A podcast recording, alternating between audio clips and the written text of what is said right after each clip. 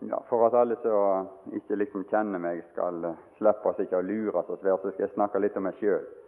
Det er jo ikke noe sånn særlig da for en forkynner å gå hen og begynne å snakke om seg sjøl. Det er bare én som har gjort det. Og en som var veldig sjølopptatt når han gikk her og tjente Gud i verden. Så drev han stadig og spurte hvem tror det jeg er, når han gjorde sine gjerninger, når han utførte sine ting. Hvem tror det jeg er? Og de anklager han for å vinne om seg sjøl. Men det merkelige er da hvis jeg hadde begynt slik og skulle snakke om meg sjøl her nå, så regner jeg med at det hadde vært få igjen i salen på slutten av denne timen, og i hvert fall ikke noe neste. Men han tålte det. Det tåltes. Han bandt noen til seg når han vitnet om seg sjøl, for han hadde noe å vitne om når han vitnet om seg sjøl. Og det er det jeg er kommet her for. Men uh, for at jeg skal nå slippe å lure så svært, så er jeg altså Ja, jeg er egentlig nordhordlending, sånn av fødsel, og bor i Bergen. og har vi inntekt der ved å jobbe med noe som kalles for systemering. Det er sånn data og sånne nye greier. da, Innenfor noe som heter materiale- og produksjonsstyring. Der Poenget er egentlig at ting skal bli mer effektivt, og at de kan gjøre mer med mindre folk. Så det, det er i den bransjen. Sånn helt konkret så jobber jeg, har de satt meg til å jobbe med kjøtt. Så jeg vet ikke hvorfor de valgte meg til å jobbe med kjødet. Jeg vet ikke om de syns det passer, liksom, men, men det er nå så. Eh, de fleste har vel kanskje oppdaga det, eller forstått det ut ifra det som står på programmet, at uh, uttrykket fra det som jeg skulle si, det er henta fra Juda brev, eller Judas brev, som det står her. Det finner du jo nesten på slutten i Bibelen og rett før åpenbæringa. Og eh, Jeg tenkte nærmest da bare som et litt sånn utgangspunkt å bevege meg litt både i 1. Johannes kanskje, og så vidt innom Hebreabrevet òg for den saks skyld, og kanskje en del andre brev og litt i Det gamle testamentet, men det får være som et slags utgangspunkt Judabrev.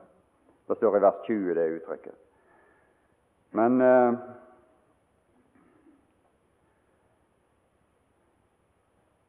Men eh, i apostelgjerningene 18 og I vers 27 så står det at om en mann som heter Apollos, da han nå ville dra videre til Akaia, tilskyndte brødrene ham og skrev til disiplene der om å ta imot ham. Det er på en måte godt med slike tilskyndelser. Han fikk en oppmuntring. Og da han kom dit, ble han ved Guds nåde. Og Den skal vi finne i Judabrev. Og Jeg tror vi kan si litt om litt av det samme som karakteriserer denne personen her. Det karakteriserer også dette brev, som heter Judas brev. Ved Guds nåde. Guds nåde finner du i Judas brev, i begynnelsen der. Guds nåde er egentlig det sentrale temaet i Judas brev. For det er Guds nåde det dreier seg om hele veien i det brevet. Og det er forholdet til denne nåden som det er tale om. Og det er avgjørende for meg og deg i dag. For det er vårt daglige forhold til Guds nåde som avgjør vårt livsløp og vårt livsinnhold og vår situasjon mens vi er her.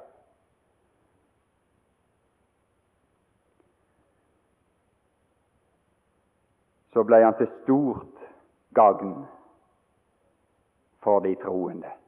Det er enkelte folk som mener det at å arrangere ting for de troende, det er liksom luksus.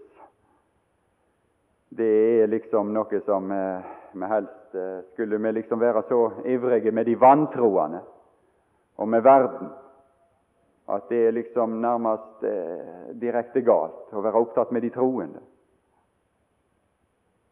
Men det som går fram her, det er at de troende trenger hjelp.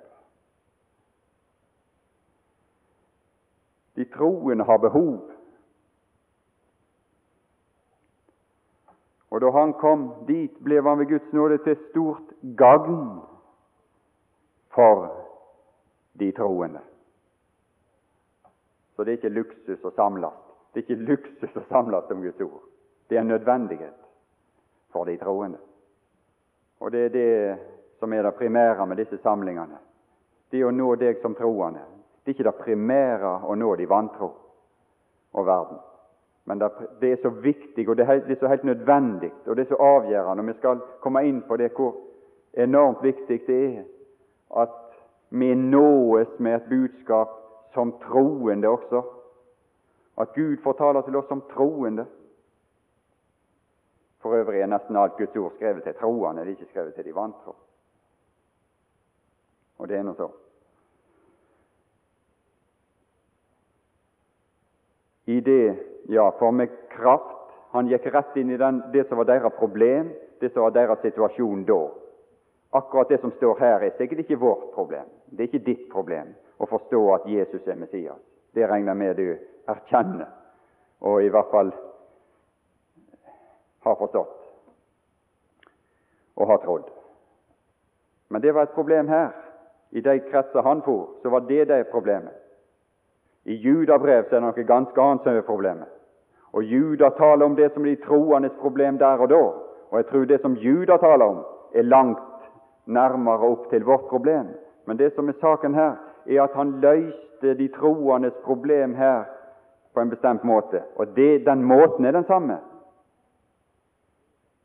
Alltid. For med kraft Hvor hadde han den ifra? Ja, han var sterk, står det. Moses òg var sterk. Han hadde, han hadde, en voldsom styrke her, vet du. 40 år gammel. Så smelte han til en egypter så han lå der. Det var kraft i den neven og i den armen. Men Gud hadde ikke så veldig bruk for den kraften. Og Så setter han han 20 år på opplæring for å lære seg en annen kraft. Og Da kunne han gå tilbake, og den kraften beholdt han, selv om det visna i armene. For det står at han beholdt sin kraft like til han gikk opp på fjellet for å dø der og bli begravet. Så, så tapte han ikke sin kraft. Det er herlig med ei kraft som ikke går ut med alderen. Ikke det?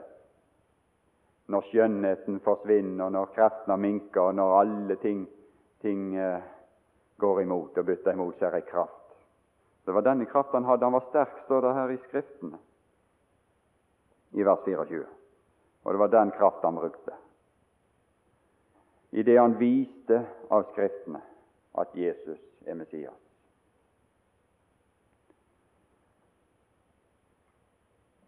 Det der, han nevnes Av eh, Paulus og nevnes han i 1. Korinterbrev 10. Og Der eh, sier Paulus at han hadde ei tjeneste. Han sa Apollos i vers 6, 1. Korinterbrev 3, mener jeg, og vers 6. Apollos vannet. Han hadde ei tjeneste der. Han var ikke slik som det står tale om noen i Judabrev da står det tale om noen som er vannløse skyer, i vers 12 i Judabrev. Men når Apollos opptredde blant korinterne, så kom det noe ut ifra han som var til gagn og til nytte for de troende. For den plantning som var begynt å spire. Og det var nødvendig for at det skulle skje som står her. Det var Gud som ga vekst. Men Gud ga vekst. Apollos vannet. Han sto i en tjeneste i å utlegge Skriftene, men han overlot til Gud å gi vekst. Det fikk bli Guds sak. Vi vil så gjerne liksom drive og rykke i og, og, og slite og strekke i, for vi vil se.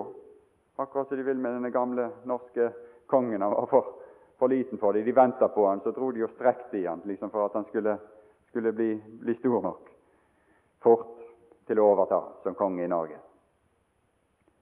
Nei, det skjer ikke slik. Vi får overlate til Gud å gi vekst. Hvis vi kan være tro Hvis vi kan sette oss inn i Skriftene, hvis vi kan gå inn i Skriftene og være tro mot det som står der, så får vi overlate til Gud å gi vekst.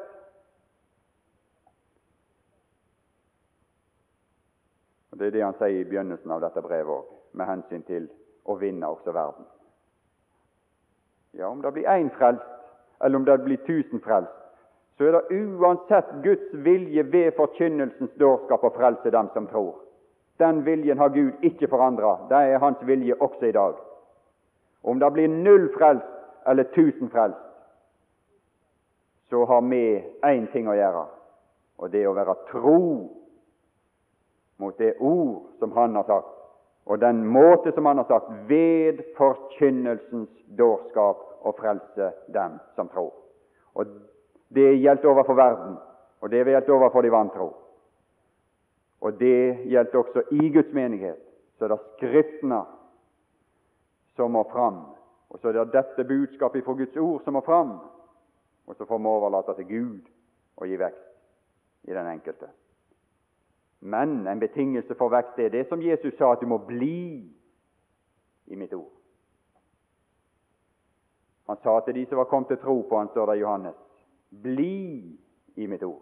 Bli der. Det er en betingelse for vekst. Ellers blir det stagnasjon. Ja, det blir ikke bare stagnasjon, det blir tilbakegang om du ikke blir der. Du må bli der for å la deg tilføre av det som kan gi vekst. Hvis du ikke blir der, så blir det slutt med veksten, og så blir det stagnasjon. Og så blir det tilbakegang i neste omgang. Bli der. Les Johannes' skrifter, les Johannes' evangelium, første Johannes brev, andre Johannes brev og tredje Johannes brev, og se på bli. Bli der. Han er ikke fornøyd med at du en gang kom. Han er bare fornøyd hvis du blir i dette Hans ord. Da er dere i sannhet mine disipler. Og dere skal lære å kjenne sannheten, og sannheten skal frigjøre dere. Det er på den måten du blir et frigjort menneske i denne verden, ved å bli i Skriften. Det finnes ikke andre skrifter som kan frigjøre deg. Det finnes ikke andre ting som kan frigjøre deg.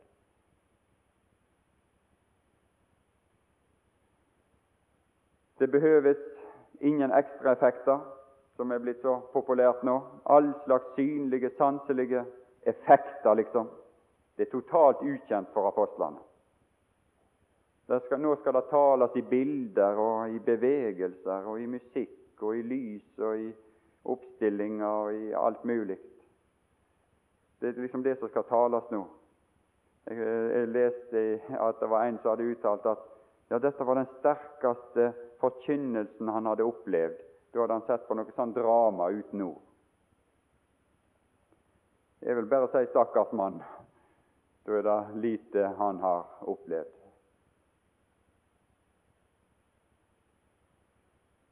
Det må nemlig ord til. Nå står det, nemlig, i, i, nå står det jo, så det vet de, i Peter om noen, at de som er vantro mot ordet, kan bli vunnet uten ord. Hvordan? Ikke ved teater. Hvis du vil vinne noen uten ord, ja vel, flott hvis du vil vinne noen uten ord. Men du må ikke begynne med teater, for det sier ikke Peter et ord om. Det er ikke ved teater eller ved all slags slike effekter. Eller dans, eller pantomime, som det heter, alt disse moderne uttrykkene. Men det står ved ferd, ved sine hustruer ferd. Det er en fin måte å vinne folk på. Noen annen måte å vinne folk uten ord på kjenner ikke jeg til. Jeg vet ikke om du har funnet noen annen måte i Guds ord. Men det må ord til. Det betyr ikke at, at eh, ordets forkynnelse og utleggelse skal erstattes med ferd slik i sin alminnelighet. Det er ikke det som ligger der. Det trengs begge deler. Og den samme Peter som skriver dette, her, han legger jo sterkt vekt på forkynnelsen og utleggelsen av ordet og Skriftene. Og Johannes, som kommer etter, etter der, han han er jo veldig veldig ivra veldig også for det muntlige. Se i 2. Johannes brev helt på slutten der i vers 12. skjønt jeg har meget å skrive til dere, vil jeg ikke gjøre det med papir og blekk, men jeg håper å komme til dere og tale muntlig med dere, for at vår glede kan være fullkommen. Han måtte fortale muntlig med dem. Og Det samme sier han i sitt tredje brev, i vers 13. Jeg hadde meget å skrive til deg, men jeg vil ikke skrive til deg med pen, blekk og penn. Men jeg håper snart å få se deg, og så skal vi tale muntlig sammen. Så her er både den hadde nær sagt eh, to til to, eller én-til-én-samtale, samtalen mellom troende, som har noe å tale seg sammen om, og tale til ei menighet her, tale muntlig med dere. Begge deler er viktig. Begge deler er helt vesentlig. Så det får vi holde fast på. For du bare steller det slik at du har noe å snakke om, at det ikke blir, blir vas.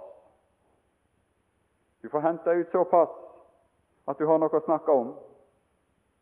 Det er det som er problemet når vi samles. Vi har liksom ingenting å snakke om. Vi vet ikke hva vi skal snakke om hvis vi ikke skal snakke om vær og vind og arbeid og, og unger, hadde han sagt. Liksom og klær og, og sånne ting. Men vi har noe annet å snakke om enn alt det der. Det kan være greit nok, det, men det blir litt tynt i lengden. Du må ha noe å snakke om fra disse skrifter. Det er det som, det er det som gjør deg rik, og det er det som gir denne glede som det står om, om her. Ja, det emnet som jeg skulle ha, det var altså Vi kan si det at det er de troendes tro som, eh, som er liksom emnet. De troendes tro. Eh, når det står her i, i Judabrev 20 om vår, eller deres, høy, hellige tro, så er det ikke å forstå slik at det er min tro som er høyhellig eller det at jeg tror, liksom, det at jeg kom til troen, eller det at jeg er en troen. det er ikke det som er høyhellig. Men det er innholdet i det jeg tror på, som er høyhellig. Og det er det som Judas er opptatt med. Det er ikke den enkelte personliges tru i og for seg, skjønt det er det. Men det er altså det som han taler om her, denne høyhellige tro. Det er ordet høyhellig. Det er altså det ordet hell, hellig i det som eh, i norsktimene på skolen heter superlativ. Altså det, det ordet 'hellig' som er bødd.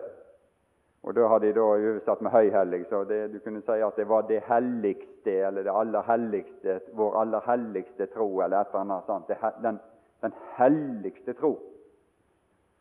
Og det er altså innholdet i det som den troende har satt sin tillit og sin tro til. Det er det det er tale om.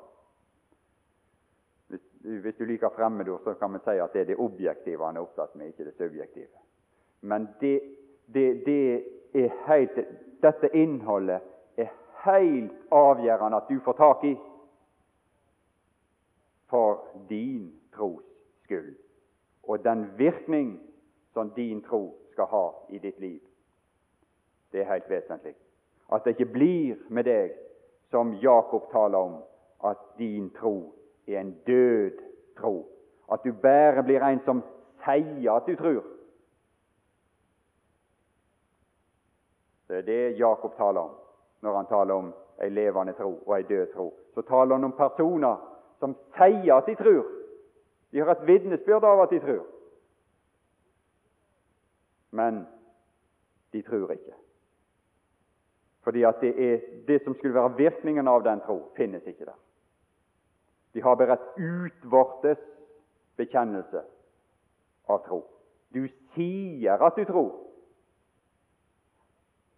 Jakob er veldig lite opptatt med hva vi sier sånn i den forstand. Ja, han er opptatt med tungen, det er han. Så han er opptatt med hva vi sier.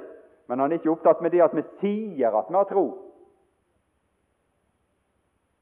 Akkurat så, akkurat så Johannes dersom du sier at du er i lyset, men ikke er det, hva hjelper det da om du sier det? Det er det apostlene er opptatt med. Ikke at det bare blir slike ord, men at det er en realitet, et reelt innhold i oss. Og det er han her, karen her, Judas, også opptatt med.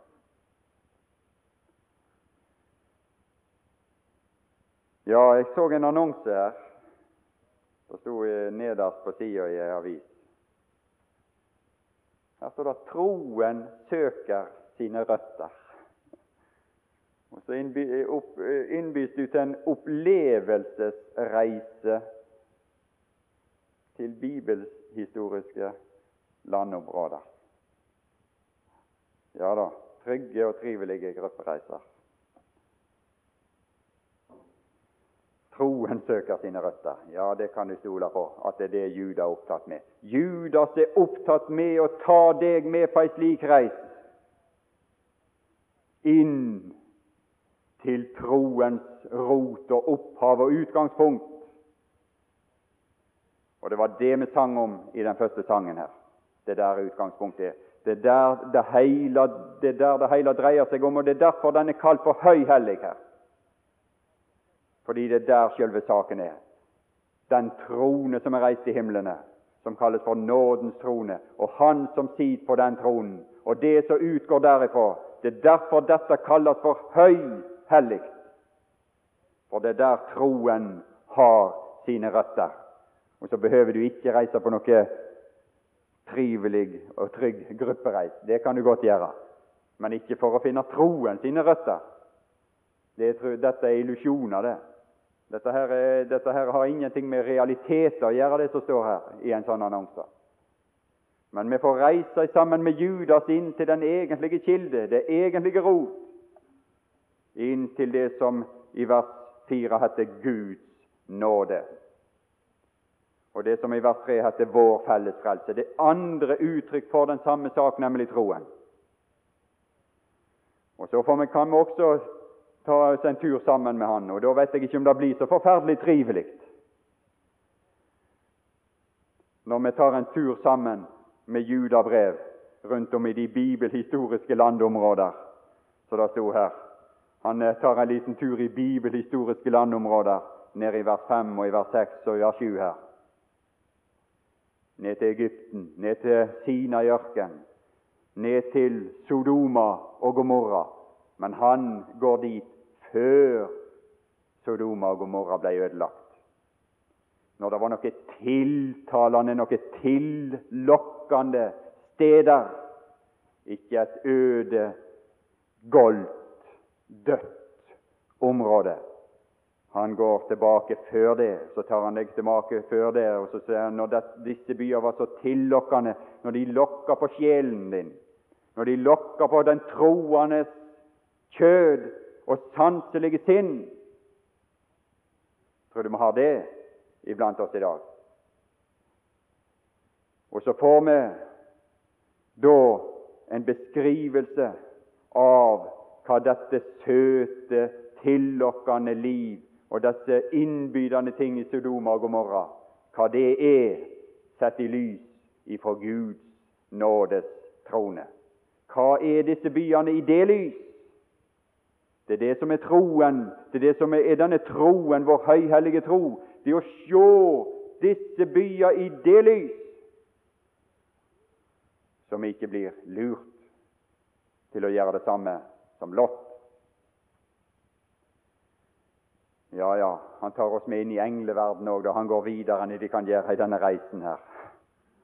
Han går inn i englenes boliger, og så viser han oss det mørke som disse engler, som ikke tok vare på sin høye stand. Så viser han oss inn i det mørket som er blitt deg til del. Der er redd for det at du kan ikke reise på noe turistreis for å komme dit, til slike områder. Da må du inn på ei annen reis. Da må du la apostelen være reiseleder. Norsk reiseleder står her i, i annonsen her. Ja vel, vi er glad vi har fått oversatt Judas til norsk, men vi får la han være det han er. Så får vi bruke han som reiseleder her nå. Han og noen av hans medtjenere for Jesus kan vi bruke som reiseledere. En opplevelsesreise. Ja, ja, ja.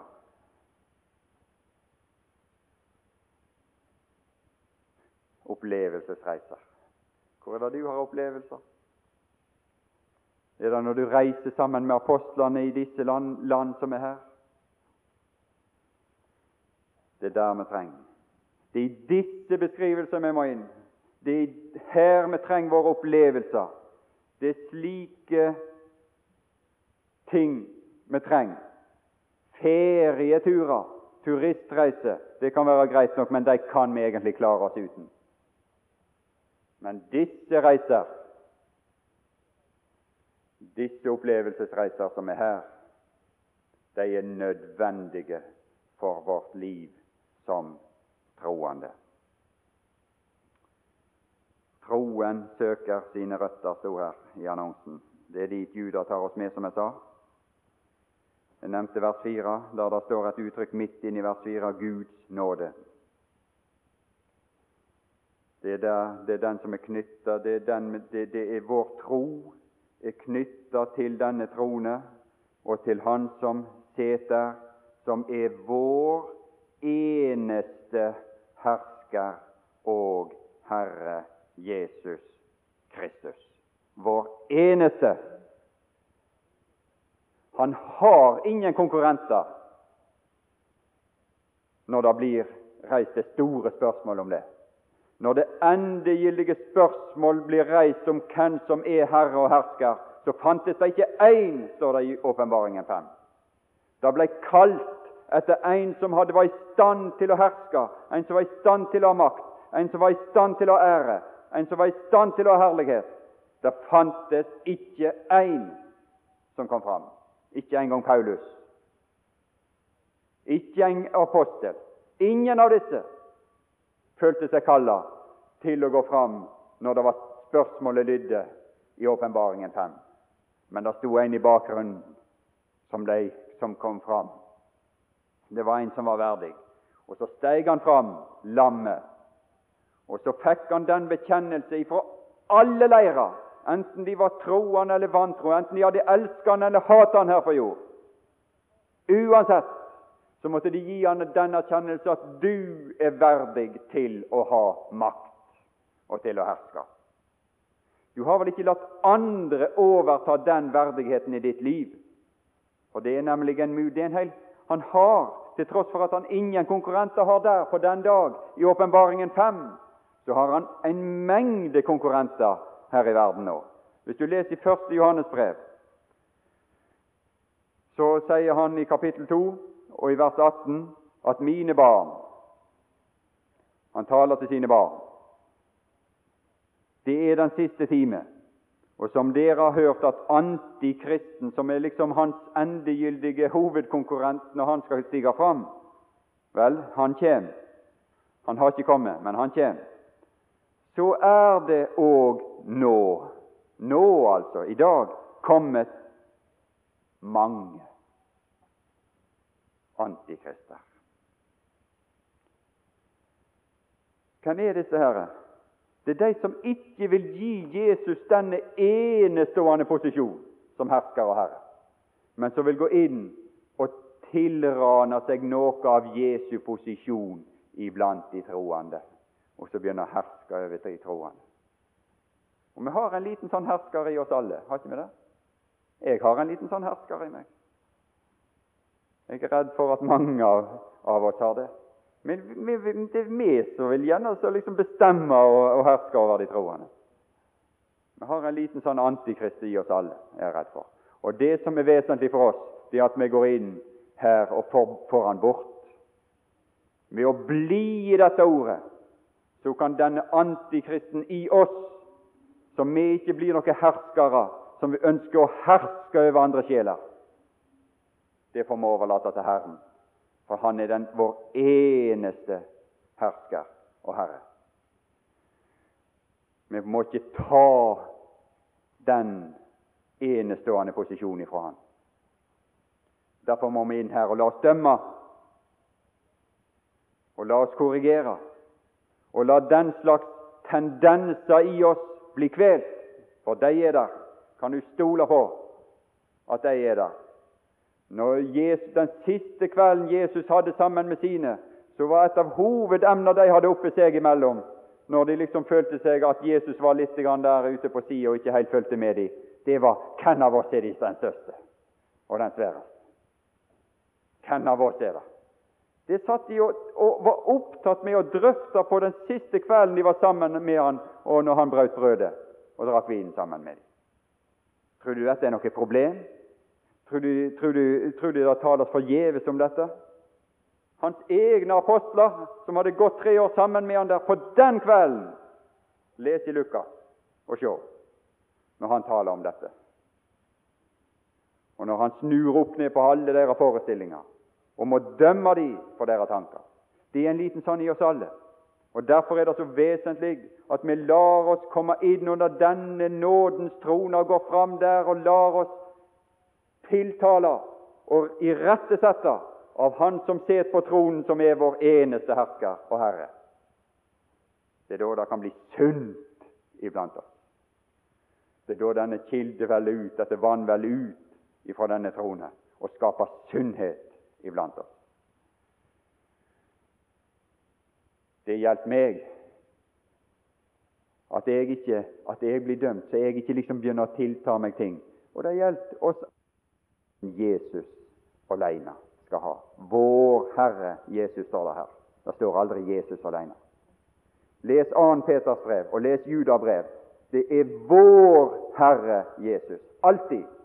Alltid i forbindelse med Jesus Kristus. Og er Jesus Kristus, vår Herre. Det er så vesentlig å få tak i disse brev som taler om, om tidene som skal komme, og alle vanskelighetene, og som allerede har kommet, ser det ut for her. Jesus Kristus, vår Herre. Les 2. Peters brev igjennom, og les Judabrev. Det er konsekvent.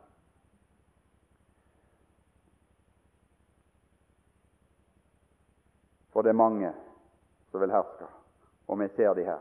Og han går tilbake til Skriftene for å finne eksempel på ulike typer som vil komme inn og herske over Guds folk. Det er tre konkrete navn her som vi skal komme tilbake til. Og det de står for. Både som enkeltpersoner, kan du si personer som er slik, men også på en måte en innflytelse iblant oss som er av den art og karakter som disse tre personer, Kain, Biliam og Kora, representerer. Det står om det i vers 11.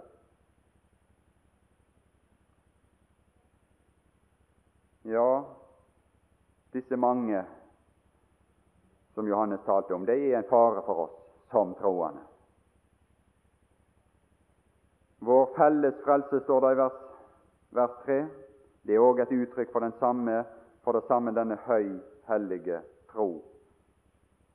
Det er et tredje uttrykk for det. Felles frelse. Felles. Det er godt med ting som er felles, ikke det? felles. Det er ikke for en utvalgt elite. Det er ikke for en utvalgt klan. Det er ikke noe som er for noen få. Det er noe som er felles. I vers 19 så står det om noen som vil, vil begynne å skilje ut. Skilje noen ut i flokker, noen som vil, vil ta ut noen som har rettigheter til noe som andre ikke har rettigheter til. Disse er de som skiller seg ut, står det her. De tar ut ei gruppe og, og tilkjenner de rettigheter som andre ikke har. Vi må aldri anerkjenne den form for utskillelse i forbindelse med vår tro, vår høyhellige tro og dens innhold. Den kjenner ingen slike skilnader som, eh, som her er tale om. Den har ingen geistlighet. Det eksisterer ingen geistlighet i Den nye testamentets tro og menighet. Ingen. Det er noe som menn som står omtalt her i vers 19, har skapt. eksisterer ikke. Og du må heller ikke anerkjenne det verken i språk eller i erkjennelse. Det finnes ikke noen slike liksom, grupperinger med folk som har rettigheter som andre han ikke har. Denne høyhellige tro, den er felles. Det er felles for alle. Ja, her står andre uttrykk miskunn og fred og kjærlighet. Det, alt dette her er, er innhold i denne høyhellige tro. Miskunn, fred og kjærlighet for alle. Ja, Gud elsket verden. Ja, jo, men jeg føler ikke at Gud elsker meg. Ja, Spiller det noen rolle? Han elsket verden. Hvis, hvis, du er i verden, så er du innenfor det som Gud elsker. Skulle ikke det være nok? Kjærlighet er ikke følelser, det er et arbeid, det er en virksomhet. Og den har han vist. Han viste at han åpenbart at han elsker verden. Han åpenbarte i sin egen sønn når han gav han for verden. Når han gav han for oss, så viste han dette så åpenbart når han gav han til ei soning for våre synder, som Johannes taler om. Og Så sier han han er en soning for våre synder, ja, men dog ikke bare for våre, men for hele verden. Så det er ikke hjelp i om forskere setter i gang og skal prøve å finne Gud ute i materien eller liksom ute i verdensrommet eller innerst inne i saker og ting. Du kan sitte på ditt laboratorium, og det står også her i vers 10. Du kan sitte i, Du behøver ikke lese det nå, for du forstår sikkert ikke det som jeg sier nå ut ifra det som står der heller. Men det er det som er saken i det som står her. Det hjelper ikke hvor mye du sitter i ditt laboratorium og tenker. Det hjelper ikke om du er verdens dyktigste forsker, om du har Einsteins hjerne to ganger. Så kan du aldri resonnere deg fram til Gud i disse tingene her. Fordi at det er feil utgangspunkt. Utgangspunktet er feil. Du må forstå Guds kjærlighet ut ifra der Han har åpenbart den. Og Han oppreiste en plass, et sted her, som heter Golgatas kors og Jesu Kristi død og forsoning og nådens trone. Og der har han åpenbart sin kjærlighet og ingen annen plass. Og der må du gå hvis du skal finne den. Og der finner du den. Det er slik han har elsket oss. Og slik har han elsket oss, og slik elsker han oss gjennom disse ting. Du kan aldri Ja, det er, no, det er noen liksom som Ja, du må la Gud elske deg. Du må la Gud elske deg. Det er nonsens å snakke slikt. Det er tullprat. For Gud elsker deg, han. Han elsker alle, han. Du kan ikke hindre Gud i å elske deg. Han elsker alle. Han elsket verden. Men det du må gjøre, er å stelle deg slik at du blir gjenstand og virksomhet for Hans kjærlighet. Det må du stelle deg slik. Og Det står også i dette brevet at det har du ansvar for, og det må du gjøre. Og Det, står, det er det som står i vers 20. Det er den måten du skal stelle deg på for at Guds kjærlighet skal bli en virkelig opplevelse for deg. For vers 21 sier med referanse til vers 20 Hold dere således i Guds kjærlighet. Da skal nemlig du holde deg i Guds kjærlighet. Det har du ansvar for. Det er ditt ansvar.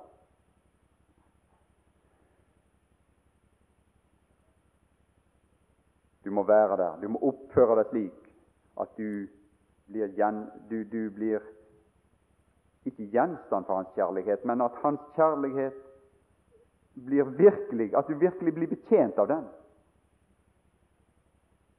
Det ikke hjelper heller om et menneske elsker deg hvis du, hvis du, har plassert deg hvis du er i en sånn situasjon at, at den kjærligheten ikke kan tilføre deg noen ting som helst.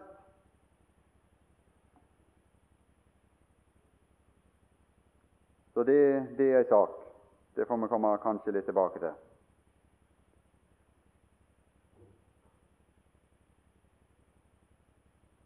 Alle disse ting,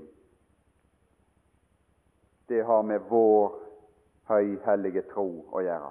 Og Så står det i dette vers 20 at det er én ting i forbindelse med den tro, og så står det i vers 3 at det er en annen ting i forbindelse med den tro.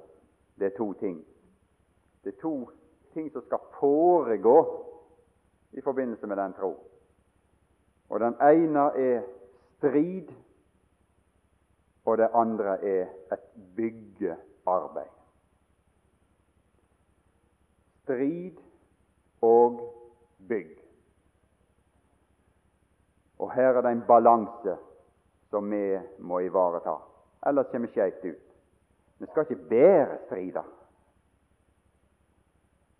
Da får vi lett et sånt stribart sinn, og så blir vi sure, og så liksom går vi rundt med en negativ tone, og så blir med helt sånne som folk ikke vil ha med å gjøre. For, vi får et liksom, kanskje enda til et litt sånn eh, nærmest surt uttrykk i ansiktet. Liksom bedre skal stride.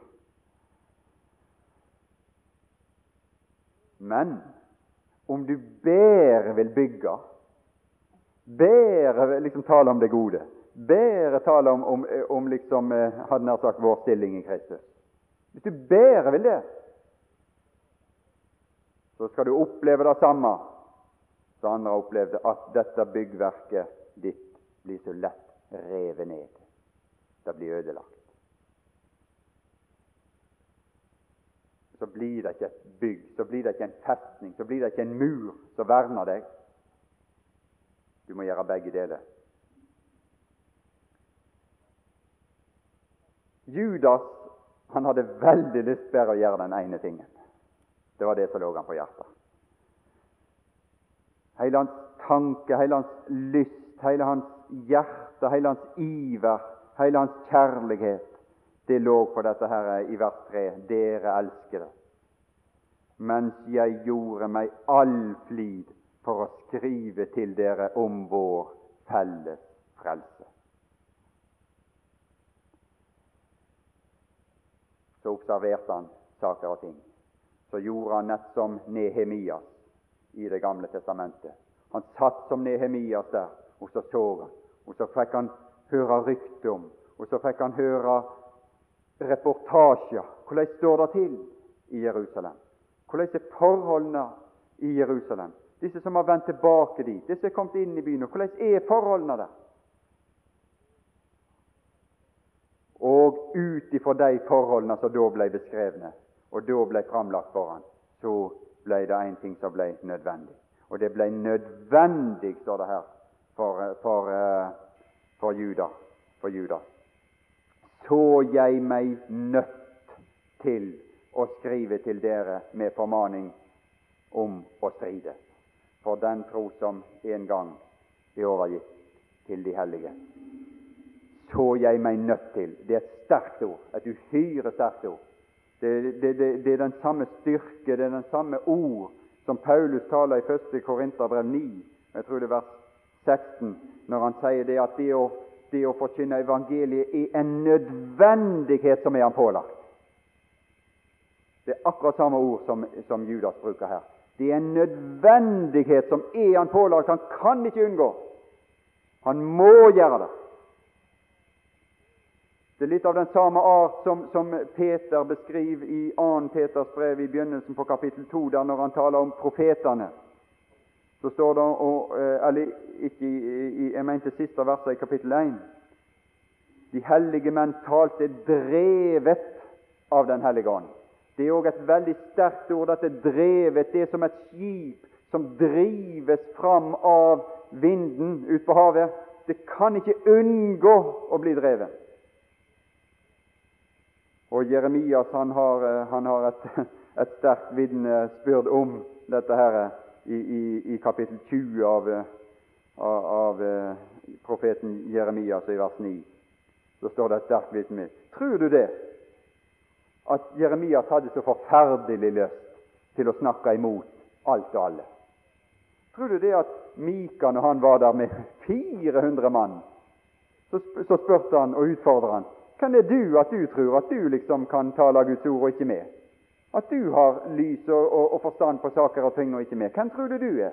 Tror du han hadde så forferdelig lyst at han var en sånn kranglefant, at det var en sånn kverulant? Disse her folkene her som var profeter. At det var sånne kverulanter og kranglefanter som liksom elska å tale imot. Langt ifra. De hadde ingen interesse av det. Det var ikke det som var deres hjerte. Det var ikke det de ville. Men de måtte, fordi det var pålagt det, av, av, av ei drivende kraft som de ikke kunne motstå. Og når han, han sier det, han Jeremias han hadde ingen interesse av å bli kasta ned i en brønn. Han hadde ingen interesse av å bli satt i fengsel. Han hadde ingen interesse av alle, alle disse tingene som han måtte framføre. Og så står det i vers 9 i Jeremias 20 at han tenkte jeg vil ikke komme ham i hu og ikke tale mer i hans navn. Han syntes det ble for ille. Men da ble det i mitt hjerte som en brennende ild innestengt i mine ben, og jeg trettet meg ut med å tåle det, men jeg maktet det ikke. De hellige Guds menn talte drevet av Den hellige ånd. Det var en nødvendighet for disse herrer å ta fram det som er skrevet her. Og det var en nødvendighet for Jeremia. Og når han ikke har forsøkt å vri seg under den nødvendigheten, ja, så gikk det med han så det står her. Han tretta seg ut. Da ble han utbrent. Det er blitt det nye motordet da, å bli utbrent. Vet du når Jeremias ble utbrent? Det ser du i vers 9, det. Når han begynte å tenke slik som i vers 9. Da ble det i mitt hjerte som en brennende ild innestengt i mine ben. Herren brenner ikke noen ut. Er fordi de tjener ham på feil måte.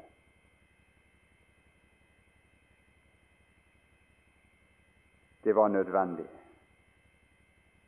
å skrive til dere med formaning om å stride. Hvorfor? Hvorfor det var nødvendig? Skal jo ikke gripe til våpen i tide og utide, skal du det? Nei, men det sto for noen mennesker har sneket seg inn, som er fiender av Gud. Lenger nede her så er de kalt ugudelige, ugudelige syndere. Tenk det. Les Biliam. Gå inn i Fjerde Mosebok og les om Biliam, de tre kapitlene. Det er ikke så lett å skjønne at Biliam var en ugudelig synder, når du leser hva som står der. Men når du får lys over Biliam ifra andre kilder i Guds ord, så er han beskrevet som en ugudelig. Men ordene hans var gode nok. Vi skal komme tilbake til det.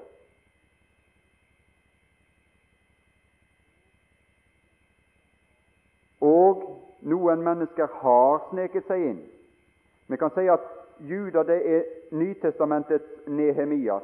Han går inn for å drive et gjenreisningsarbeid der ødeleggelsen allerede har skjedd, og der fienden står midt i leiren og behersker leiren. Det er det han gjør. Der går han inn for å begynne et gjenreisnings- og et byggearbeid. Fordi at Her er det ikke bare slik som med Paulus. Han sa at etter min bortgang så vet jeg at det skal komme folk inn. Og Peter taler om at det skal komme folk. Men her har de kommet. Noen mennesker har sneket seg inn. Og i vers 8 så står det at disse gjør De er allerede i aktivitet. Disse gjør. I vers 10 står det at disse spotter. I vers 12 eh, står det at disse er. Og i vers 16 og i vers 19 så står det at disse er. De er der allerede. De er der og opererer iblant folket. Derfor var det nødvendig å sette i gang et arbeid som Nehemias. Fordi det var kommet inn slike folk som Paulus taler til Titus om, som nedriver hele hus. I, i Titus 1 vers 10 og, og 11 så står det om noen folk som nedriver hele hus. Det var slike folk som var kommet inn iblant Guds folk. Og så, så kom det en Nehemias som kan hjelpe oss og som kan gå i spissen for oss, og som kan lede oss for å stå i et arbeid. For fiendens taktikk er nemlig det som står i Nehemias 4,11. Våre motstandere sa de må ikke få vite eller merke noe før vi står midt iblant dem og hugger dem ned, og således gjør ende på arbeidet. Det var fiendens tanke og taktikk Og hvis ikke vi er oppmerksom, hvis ikke vi, vi, vi, vi går inn til denne Guds trone og oppholder oss der innenfor Guds nåde og, og får ord derifra som vi kan bedømme tingenes tilstand, så kommer vi å bli et offer for slike motstandere som, der vi ikke veit eller merker noe før vi er tatt av dag av dem. Derfor er det så viktig å bli oppmerksom på det og få lys over disse tingene ut ifra Guds nåde og ut ifra Guds trone og ut ifra den usynlige verden, så vi kan dømme disse tingene iblant oss og dømme disse tingene i, i meg ut ifra den tale som er ifra Guds trone. Og Det var, det var taktikken deres, men de hadde en Nehemias som så dette, og som visste dette, og som kjente deres taktikk, og som da går til vers 16 fra den dag så organiserte han sine tropper. Fra den dag arbeidet bare den ene halvdel av mine unge menn på verket, mens den andre halvdel av dem sto der med sine spyd, skjold, buer og brynjer, og høvdingene sto bakenfor hele Judas folk. De som bygget på muren, og bærerne med sine byrder. De arbeidet med sin ene hånd på verket. Det er Judabrev, vers 20 og 21, om du vil, og litt videre der. Og med den andre holdt de sitt våpen det er å stride for den tro som en gang for alle er overgitt til de hellige. Vi får slutte der i dag. Så får vi se om det blir noe mer. Prøve å ta litt fram av disse personene som står her, som har med vår tro å gjøre, og som har med angrep på vår tro å gjøre, og som har med bevarelse av vår høyhellige tro å gjøre. Herre Jesus. Når vi leser disse beskrivelser fra den første tid, enda til mens dine apostler levde, så kan vi bli rista.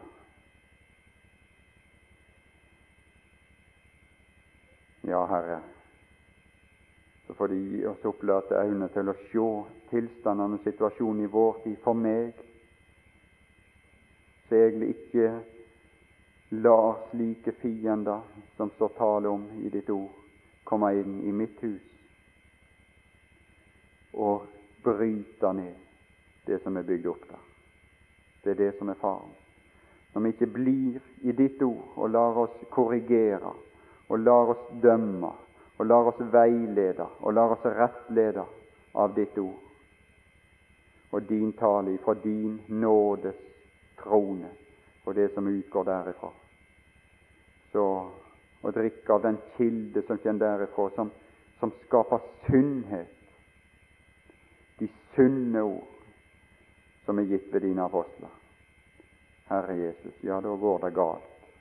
Og da blir det ikke bare stagnasjon, men da blir det slik som slik som det sto, da blir det slik at hele hus kan bli revne ned. Herre Jesus, nå får du gi oss den enkelte her opplysning og nåde og styrke til å gå inn i ditt ord og også lære oss denne dobbeltmåte i forhold til troen å stride og bygge samtidig i denne tid, denne vanskelige tid, der murene for en stor del ligger nedrivne, og alle mulige slags ting blir tillatt å komme inn iblant ditt folk. Herre Jesus, miskunner deg over for ditt navns skyld.